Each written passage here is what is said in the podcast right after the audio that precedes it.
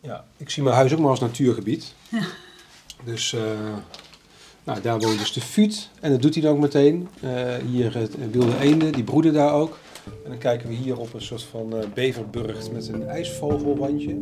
Als je goed kijkt, zie je... Dit keer zijn we op een heel bijzondere plek. Niet op de Veluwe of ergens in de Achterhoek. Nou, Nee, we zijn in Amsterdam-Noord. eh, Bij Joost in een soort drijvend dorp. Ik ben Joost, 45 jaar oud. Ik woon hier met eh, Riem. Eh, twee kindjes, een hond en wat eh, watervogels. buiten de woonboot. Ik kom uit Brabant. Woon langer dan mijn halve leven in Amsterdam. En Riem die komt oorspronkelijk uit Beirut. Ehm, we wonen op Schoon Schip. Dus een, drijvende, drijvend dorpje eigenlijk in Amsterdam. Ehm, als we hier nu rondlopen, dan zie je dus allemaal best wel grote eh, watervilla's eigenlijk. Ehm, maar dit hele idee begon eigenlijk tien jaar terug met een groep mensen eh, die een eh, dorpje wilden bouwen.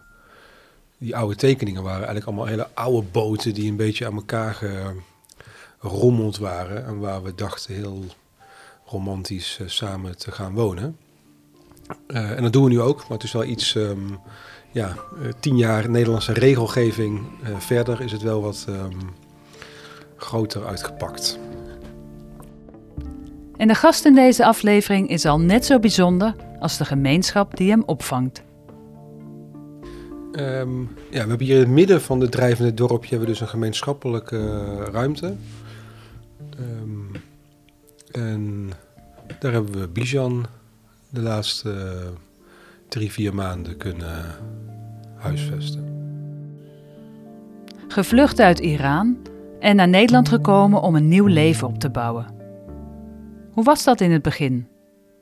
uh, the experience of life here um weird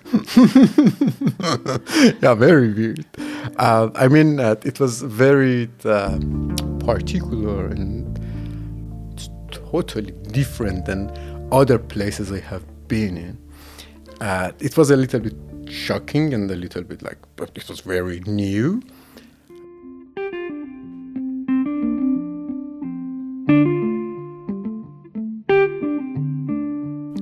In deze aflevering horen wij het verhaal van Bijan en het wooncollectief van Joost. En we gaan ook horen over een bijzondere belofte die Bijan heeft gedaan aan Joost. Iemand in huis nemen. We hebben allemaal af en toe een gastenhuis, een logier voor een paar dagen. Maar hoe zou het zijn om maandenlang samen te wonen met iemand uit een ander land met een andere cultuur? Je luistert naar Take Care B&B, de podcast. In elke aflevering ontmoeten wij mensen die dit aandurven. Zij nemen mensen in huis die gevlucht zijn uit hun eigen land, omdat het daar voor hen niet meer veilig is. Ze doen dit om die mensen te helpen Nederland beter te begrijpen voordat ze zelfstandig gaan wonen. Mooi idee. Maar hoe gaat het in de praktijk? Nou Gerry, we zijn eh, bij, waar zijn we? Bijzonder, ja, in Amsterdam-Noord op een soort, ja, een woonboot weet ik niet. Het is meer een, ja, een woonappartementgebouw op het water, een drijvend flatgebouw, toch? Welkom, Hallo. Dankjewel. Hoi. Ik ben Gerry, gaan we handen doen? dit is Joost. Yeah, I'm Yost. Hi, ik ben Andy. I'm from a city named Mashhad. It's the second biggest city. It's on the east, north, almost uh, close to Afghanistan border. Bijan is een kunstenaar en is gevlucht uit Iran. Uh, that's a very restrictive religious city. Yeah. And how big is it? How, how many people? Six, uh, uh, officially, it's uh, almost four million uh, uh, population, but people are uh, believing in six million now. Bijan komt uit Mashhad in Iran, de tweede stad van het land. En een belangrijke bedevaartplaats. Er komen dan ook veel pelgrims en de leefwijze is traditioneel. Bijan is de zesde van zeven kinderen. Als hij terugdenkt aan zijn jeugd, is een van zijn mooiste herinneringen dat hij op schoot zat bij zijn vader. thing for me, like sitting my on my father's knees and painting and drawing and just he was like encouraging me for that. It's the thing that i have in mind. Yeah it's always with me. Yeah. Yeah. Kunst was en is belangrijk voor Bijan. Maar religie speelde ook een enorme rol in het gezin.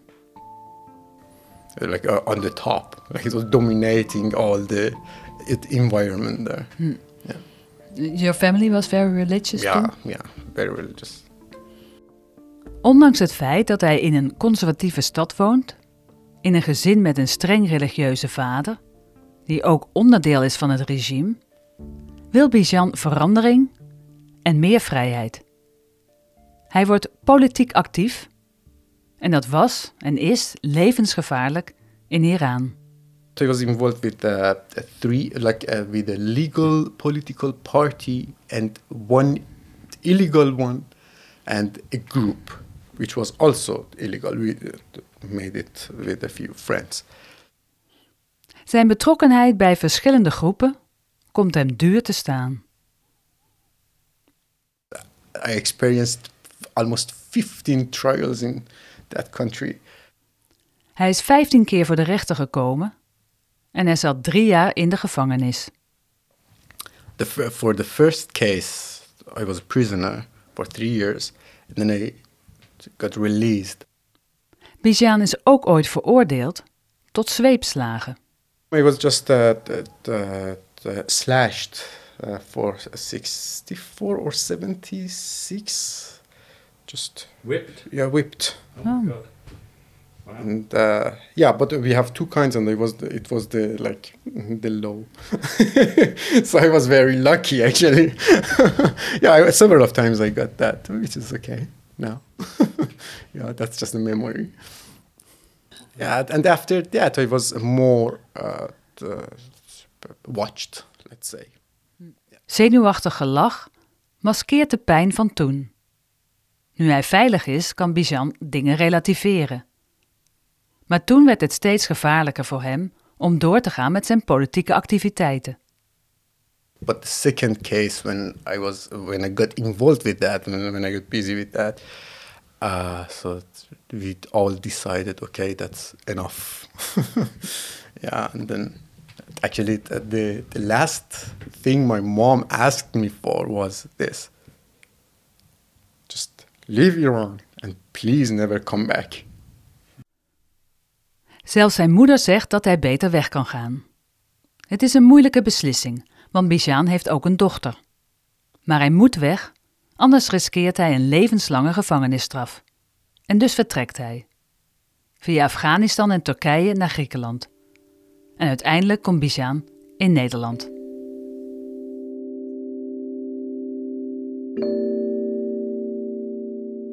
Ja, een, ontzettend vriendelijke eh, jonge man die eh, heel erg zijn eigen ideeën heeft. eh, en, nou, een kunstenaar, weet je, dus hij leeft ook, nou, ik wil niet zeggen in zijn eigen wereld, maar hij, is wel heel sterk in zijn eigen, wat hij wil met zijn leven.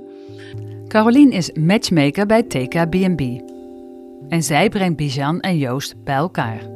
Nou ja, dit, dit, dit was zo'n voor de hand liggende match. Weet je, dat, dat je denkt, ja, dit past. Daar hoef je helemaal niet lang over na te denken. En ehm, ik had zowel met Joost kennis gemaakt als met Bijan. En we hadden een afspraak voor eh, de kennismaking. En toen kreeg ik COVID. En toen hebben ze het gewoon samen gedaan. Ik heb, ben er niet eens bij geweest. Ik heb hier dus eigenlijk heel weinig aan hoeven doen. Ze is blij met de match en hoe het samenleven is verlopen. En hij heeft het ook gegrepen, hè, de kans. Dat verschilt natuurlijk ook wel.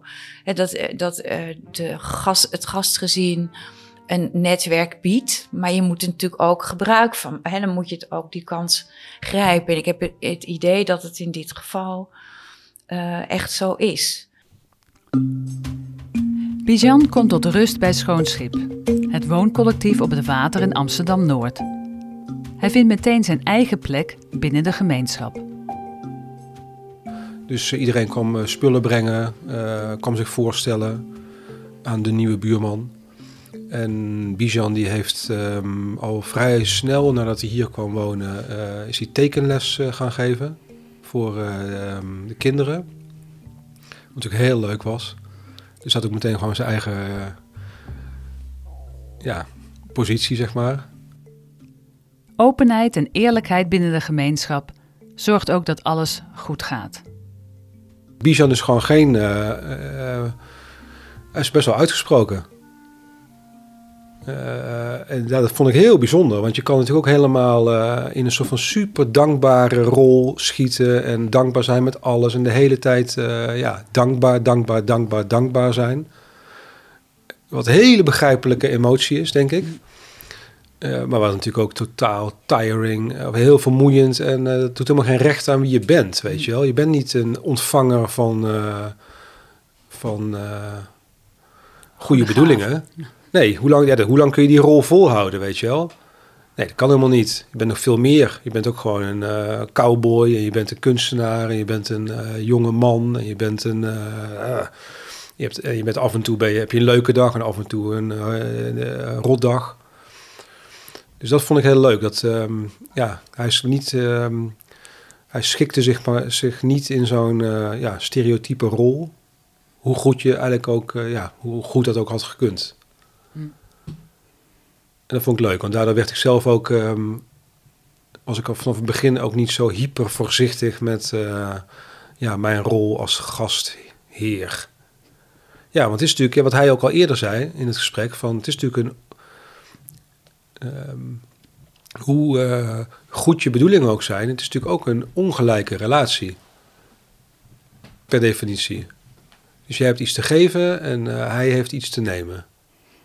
Eh, en ik vind het wel heel leuk dat we daar eigenlijk heel snel een beetje aan voorbij konden gaan. Dus dat was een transactie aan het begin. Oké, wij geven en jij neemt. Klaar, daar hebben we het ook niet meer over.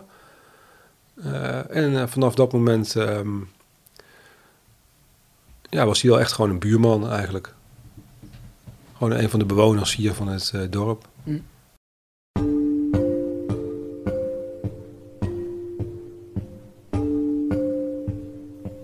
Bijan heeft nu een eigen woning, niet ver van het wooncollectief, en daar is hij heel blij mee.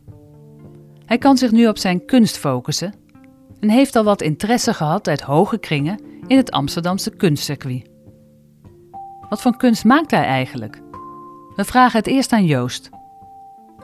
Ja, de stijl deed mij heel erg aan een beetje aan Goya denken. Een beetje Rembrandt. Dus heel complex, heel ehm, dramatisch, heel eh, tactiel. Ehm, hele grote, beetje mythische eh, verhalen. Eh, sommige ook heel eng. Zo sprak die kinderen dan meteen heel erg aan. Ehm, ja, en gewoon heel goed. Ehm, ja, is gewoon een hele goede kunstenaar. Bijan zelf heeft natuurlijk ook een briljant antwoord op de vraag. Zowel enigmatisch als filosofisch. Uh, I would call myself a kind of like well, what I call it is the constructive expressionism. Very loyal to the uh, uh, um, the foundations, but in the meanwhile very expressive, which I can uh, describe it better in uh, through art history. Uh, what I try to get is a kind of, metaphorically, is a kind of fusion, and how we can link to the history, to, to our history and the history of art through uh, the process of making one art piece.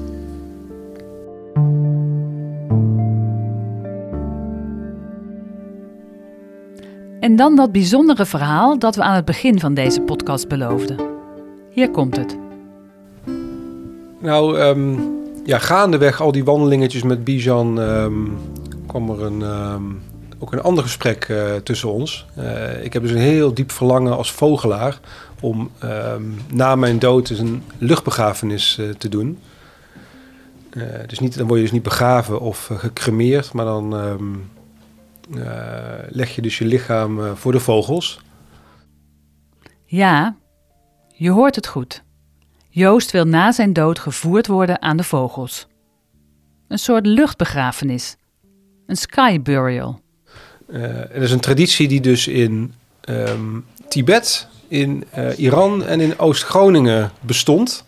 En in Iran nog steeds bestaat. Dus um, uh, daar heb ik Bizan natuurlijk naar gevraagd, wat hij daarvan wist. Want het is best een beetje een soort van ja, gesloten gemeenschap die dat doet. maar um, dat heeft in ieder geval toe geleid dat hij uh, zich bereid heeft verklaard dat uh, als ik uh, ooit het loodje leg, over hopelijk nog een hele lange tijd, dat hij ehm, mijn vrienden gaat bijstaan met zijn um, kennis. Hij, gaat zich nu hopelijk de komende decennia trainen om ja, tegen die tijd de rol van een soort van rituele priester um, aan te meten, die mij gaat helpen om één te worden met mijn geliefde vogels. Dus dat is dan wel weer een mooie wederkerigheid. so, um, I shared this with uh, Bijan. You look like you're looking forward to this. no, it's just because it's something new. I don't know, like I don't know how it, it will be. Um, it's illegal now. But I'm very happy that Bijan is very comfortable with doing illegal things. Um, so you get, um, yeah, well, but it's only six weeks. You only get um, yeah, arrested. Okay. Yeah, you get arrested, and then you there, there's six weeks uh, uh, penalty on making the the the panel. The, the crime is to make away a corpse. Yeah, het wegmaken van een lijk. Okay, that's that. And then there is the practical um, component. De vriendschap tussen Bijan en Joost is echt. Voor beiden is het belangrijk dat ze gelijkwaardig zijn daarin. There is something important in any kind of friendships for me. I don't start a friendship if I don't feel equal. But when I came here, I understood that there is someone who descend down, who comes down to be equal and then start talking. That's the way of uh, communication.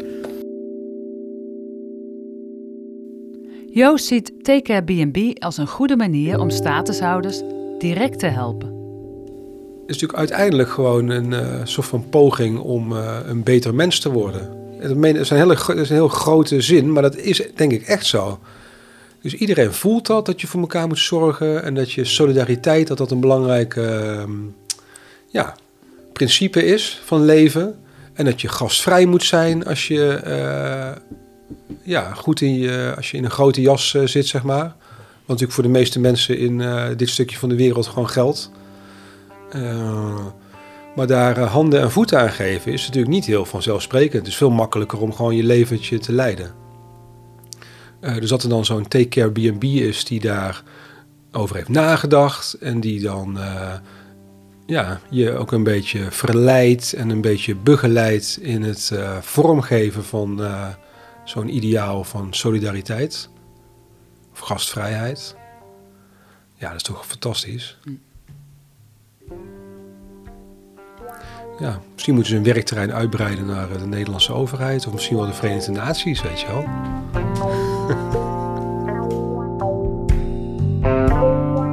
Kijkt Bijan naar dit hele proces? But as a refugee, yeah, this word is exactly just as a refugee. Uh, it is not easy to get integrated or to, to, to find yourself in society. You can find yourself in the city But in society with the local people, it's something else. So what uh, with Airbnb and with this program and the, the, the, whole story that came here, it was, as I said, it was thrown into that. Now I have numbers of friends, and most of them are living here in this community. Yeah, so yeah, of course it's helpful. Hoe ziet matchmaker Caroline Bijans toekomst in Nederland? Ja, hoe succesvol wordt een kunstenaar? Weet ik ook niet. Toch? Hm. Maar het is iemand die het wel redt. Daar heb ik wel vertrouwen in. En misschien over wie we ooit nog eens meer horen. Dat we kunnen zeggen, we hebben, toen hij nog niet bekend was, we, sluit ik niet uit. En het is een bijzonder iemand. En Bijan zelf? Zal hij ooit kunnen leven van zijn werk als kunstenaar? Kan hij zijn kunst verkopen in Nederland? Dutch people are amazing in saving money, not spending for art. that is a little bit hard, but it takes time. It takes time. It's not something that comes like in one year or two years. It needs like two, three, four years. Yeah. Bijan is vol vertrouwen. Het heeft tijd nodig, zegt hij, met een grote glimlach op zijn gezicht. Hij wacht op de komst van zijn dochter naar Nederland en in de tussentijd probeert hij zo goed mogelijk zijn weg te vinden. So I will be a single father soon. So I will have a child here, and like knowing some people uh, who are mostly families. It's, it's gonna be very good for me, of course. Je luistert naar B&B, de podcast. Met dank aan Bijan, Joost en Carolien voor het delen van hun ervaringen. In elke aflevering hoor je een portret van een gast en een gastgezin. Met als vraag: waarom nemen mensen iemand drie maanden in huis? Iemand die naar Nederland is gevlucht. En hoe gaat het dan, je huis delen? In de volgende aflevering gaan wij naar Enschede en horen wij het verhaal van Yazan uit Syrië en Hans. And now I'm, officially one year in the Netherlands now. Uh, yeah, I am electrical engineer. I also worked for five years in a company before I came here, and and I was three years married also before I come here now, and now I have a, a five-month-old daughter. Ik ben Gerry van Bakel en samen met producer Andy Clark maken wij Take Care B&B, de podcast. Wil je meer weten over de organisatie? Of misschien is gastgezin worden iets voor jou? Ga dan naar de website takecarebnb.org.